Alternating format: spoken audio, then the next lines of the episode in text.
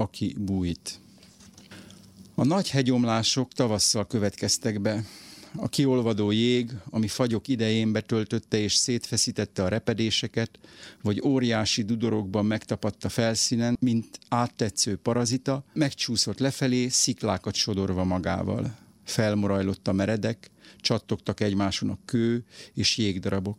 Egy-egy hangosabb dübörgéskor, hosszabban tartó zakatolásnál azt hittük, hogy az egész hegy szét fog gurulni a fejünk fölött. De évszakoktól függetlenül hallani véltünk időnként valami tompa csikorgást a föld gyomrából, ami azt jelezte, hogy elcsúsznak egymáson a kőzetrétegek, nem csak a felszín morzsolódik, hanem a mély is mozog. Azt a tanyacsoportot, ahol éltünk, nyugtalan zúgnak hívták. Nyugtalansága ellenére mégis beépítették az elmúlt évtizedekben, mivel az árnyékos völgyben, amely a kakashalmi járás legsűrűbben lakott területe volt, erre a részre sütött rá leghosszabban a nap, már ha kibukkant hegyormok és felhőtarajok mögül. Néhány évvel az odaköltözésünk után dömperek, kotrógépek, markolók, földgyaluk vonultak fel a tanya fölötti birka legelőn. Az átlagos méretű munkagépek többszörösei voltak, akkora monstrumok, hogy a kanyargós szűk utakon lehetetlen lett volna a kakoshalomra szállításuk, külön uszájon hajózták be őket a fjordákba, és több méteres acéllétrán mászott fel a vezetőfülkébe a kezelőjük. Misi számára egyik kedvenc képeskönyve elevenedett meg. Amikor először látta őket, újjongott, és a következő hetekben hosszú órákig bámulta a munkálkodásukat a teraszról. Pár hónapra rá hétvégén kirándulni mentünk a fölöttünk fekvő Gletscher völgyébe, ahol szeptember elején nyílott a gyöngyvirág egyik kereklevelű, szaktalan hegyi rokona. Autóval kapaszkodtunk föl a meredek szerpentinen. Az egyik kiszélesedő kanyarban leálltunk és behúztuk a kéziféket. Az óriás gépek innen nézve, mintha összezsugorodtak volna, hogy újra visszakerüljenek a képeskönyvbe arról, amin akkor is dolgoztak, és már majdnem készen voltak vele, a világűrben látható kínai nagyfal jutott eszünkbe. A lakóövezet köré, ahol a házunk állt, hatalmas föld sáncot emeltek a hegyomlások nagyobb köveinek megállítására, annak tetejére pedig vastag szemű acélhálót feszítettek ki, hogy a pattogós kisebbek is fennakadjanak. Ahhoz a házméretű kőtömbhöz azonban, amelyik a tanyák közül kivezető egyetlen út mellett magasodott, nem nyúltak hozzá. Pedig olyan megdőlve hevert, mintha bármelyik pillanatban átbillenhetne. Legalábbis mi az idegen szemével sokáig fenyegetőnek láttuk Borival az odaköltözésünk után. Már ott laktunk egy ideje, amikor észrevettem, hogy önkéntelenül behúzom a nyakam, és lejjebb süppedek az ülésbe, ha elhajtunk mellette. Akkoriban feltétlen volt a bizalmam a kakashalmi emberek válaszaiban, a kakashalmiak pedig még úgy tekintettek rám, mint hosszabb időre köztük rekedt turistára, és nem olyan idegenre, aki száz év ott lakás után se válik kakashalmivá, ezért több elnézéssel voltak a kérdéseim iránt. Kiválasztottam az egyik értelmesebb tanyaszomszédot, és neki szegeztem, hogy szerinte nem dőlhet-e ránk a kő. A szomszéd elnéző mosolyjal válaszolt. Bemérték a geológusok, kizárt. De valami oka csak van, vetettem ellen, amiért úgy hívják, hogy gyilkos kő.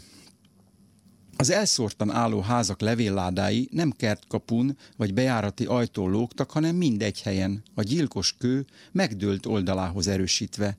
Lefékeztek mellettük a környéken lakók, és kiszálltak az autóból, hogy begyűjtsék a postájukat. Itt szólítottam le az emberemet. Mögöttünk is ott duruzsolt üresben az autónk a benne ülő gyerekekkel. Az csak valami mese, legyintett a szomszéd. Belekezdtem egy hibás norvég mondatba magyar akcentussal, de neki lejárt az ideje rám. Minden teketória nélkül hátat fordított, és visszaült az autóba.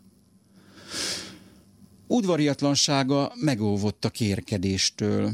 Úgyis csak villogni akartam, hogy utána olvastam a gyilkos kő történetének. A két tucat kirándulás a Kakashalmi Havasokban című alapműben, amely a Járási Turista Egyesület kiadványa volt, az egyik gerinctúra ettől a kőtől startolt. A kőről keretes írás emlékezett meg, kezdve azzal a történettel, miszerint a Dán király negyedik keresztély behajtója, aki a 17. század egyik sivár évtizedében külön adót akart beszedni a messzi Európában dúló 30 éves háború költségeire, éppen akkor tartózkodott a járásban, amikor egy különösen nagy erejű kőomlás bekövetkezett. A fjordág végében a félhegy rároskadt völgyre, és hatalmas pusztítást végzett. Csűrök és szénapajták törtek ripittyára, termőföldeket és legelőket nyelt el a kőlavina, sőt, emberek is odavesztek. A kakashalmiak közül furcsa módon senki, míg az adóért jött dánok valamennyien. A főbehajtót éppenséggel az a szikla temette maga alá, melyet később gyilkos kőként emlegettek. A koppenhágai hatóságok nem hittek a szeszélyesen ölő katasztrófában, és a dán gyűlölő kövek bűnét a helyi norvég alatvalókon torolták meg, néhányukat kerékbe törték, és másodszorra dupla annyi adót vasaltak be. Több mint 200 év múlva, a 19. század végén egy bergeni fotográfus, bizonyos Knut Knudsen néhány fényképet készített a fjordák szállodájáról és a kakashalmi kikötőről, valamint azok környékéről az akkoriban születő turizmus szolgálatában. A nevezetes gyilkoskövet nem örökítette meg, ellenben fennmaradt egy felvétele, amely a Turista Egyesület könyvében is szerepelt, és amelyen beazonosítható a nyugtalan zugnak hívott terület, ahol néhány szénás kaiba áll a kaszáló rétek között. Csak hogy a képen jól láthatóan nyoma sincs a gyilkos kőnek. Amiből az következik, hogy a kő azóta került oda.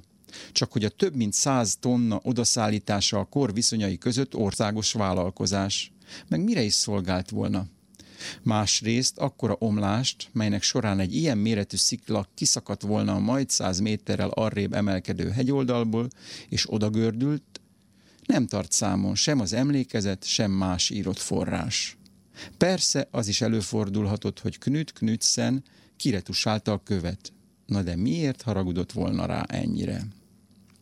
Aznap reggel, amikor sár és fűfoltokkal a térdemen kiszálltam a gyilkoskőnél, változatlanul zuhogott.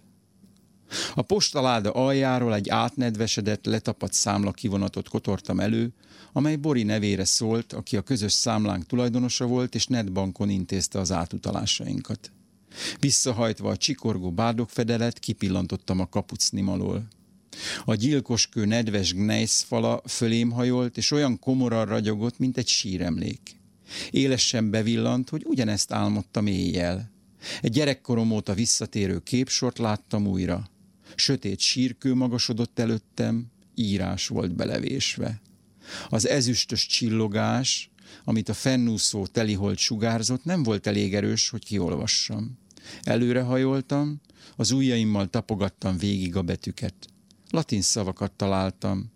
Gyerekkori álmaimban még folyékonyan beszéltem latinul, ebben a felnőttben elvesztettem ezt a megmagyarázhatatlan képességemet.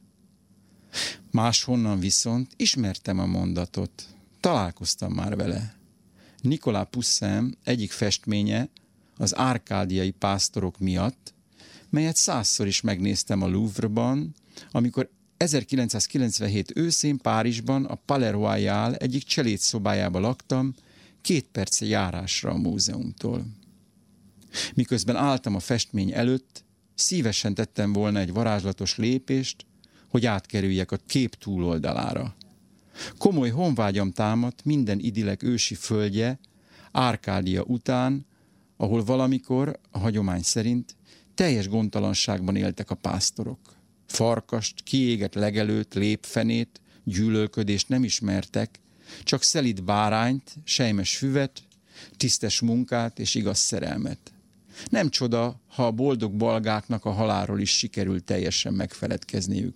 Míg nem egy napon, a bukolikus mókák egyik szünetében, kifújva magukat a kergetőzés, a kacagás után, megakadt a pillantásuk valamin, ami a virágzó bokrokon túl sötét lett. Közelebb menve egy szabályosan kifaragott szögletes kőre bukkantak, amelyről első látásra elképzelni sem tudták, mire szolgál. Kíváncsian körbejárták, megvizsgálták minden oldaláról. Egyikük belevésett betűket fedezett fel, lekaparva róluk a mohát, ezt olvasták. Et Arcadia ego. Én is éltem Arkádiába. Semmi más nem áltott, de így is azonnal megértették, mintha az, aki a kő alatt feküdt, személyesen figyelmeztette volna őket.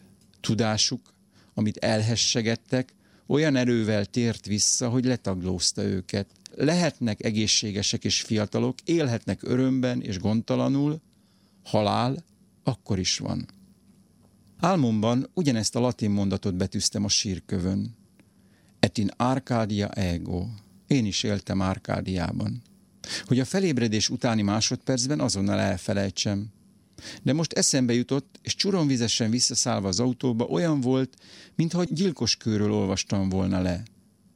Hát, ha annak szólt az álmom, morfondíroztam, hogy mégis sikerült megtennem azt a varázslatos lépést, ami akkor a Louvre-ban annyira hiányzott, és átkerültem egy festmény túloldalára, ahol egy másik, egy valóságos északi árkádiát találtam, és egy lettem a boldog balgák közül. Még ha én folyamatosan a halára gondolok is.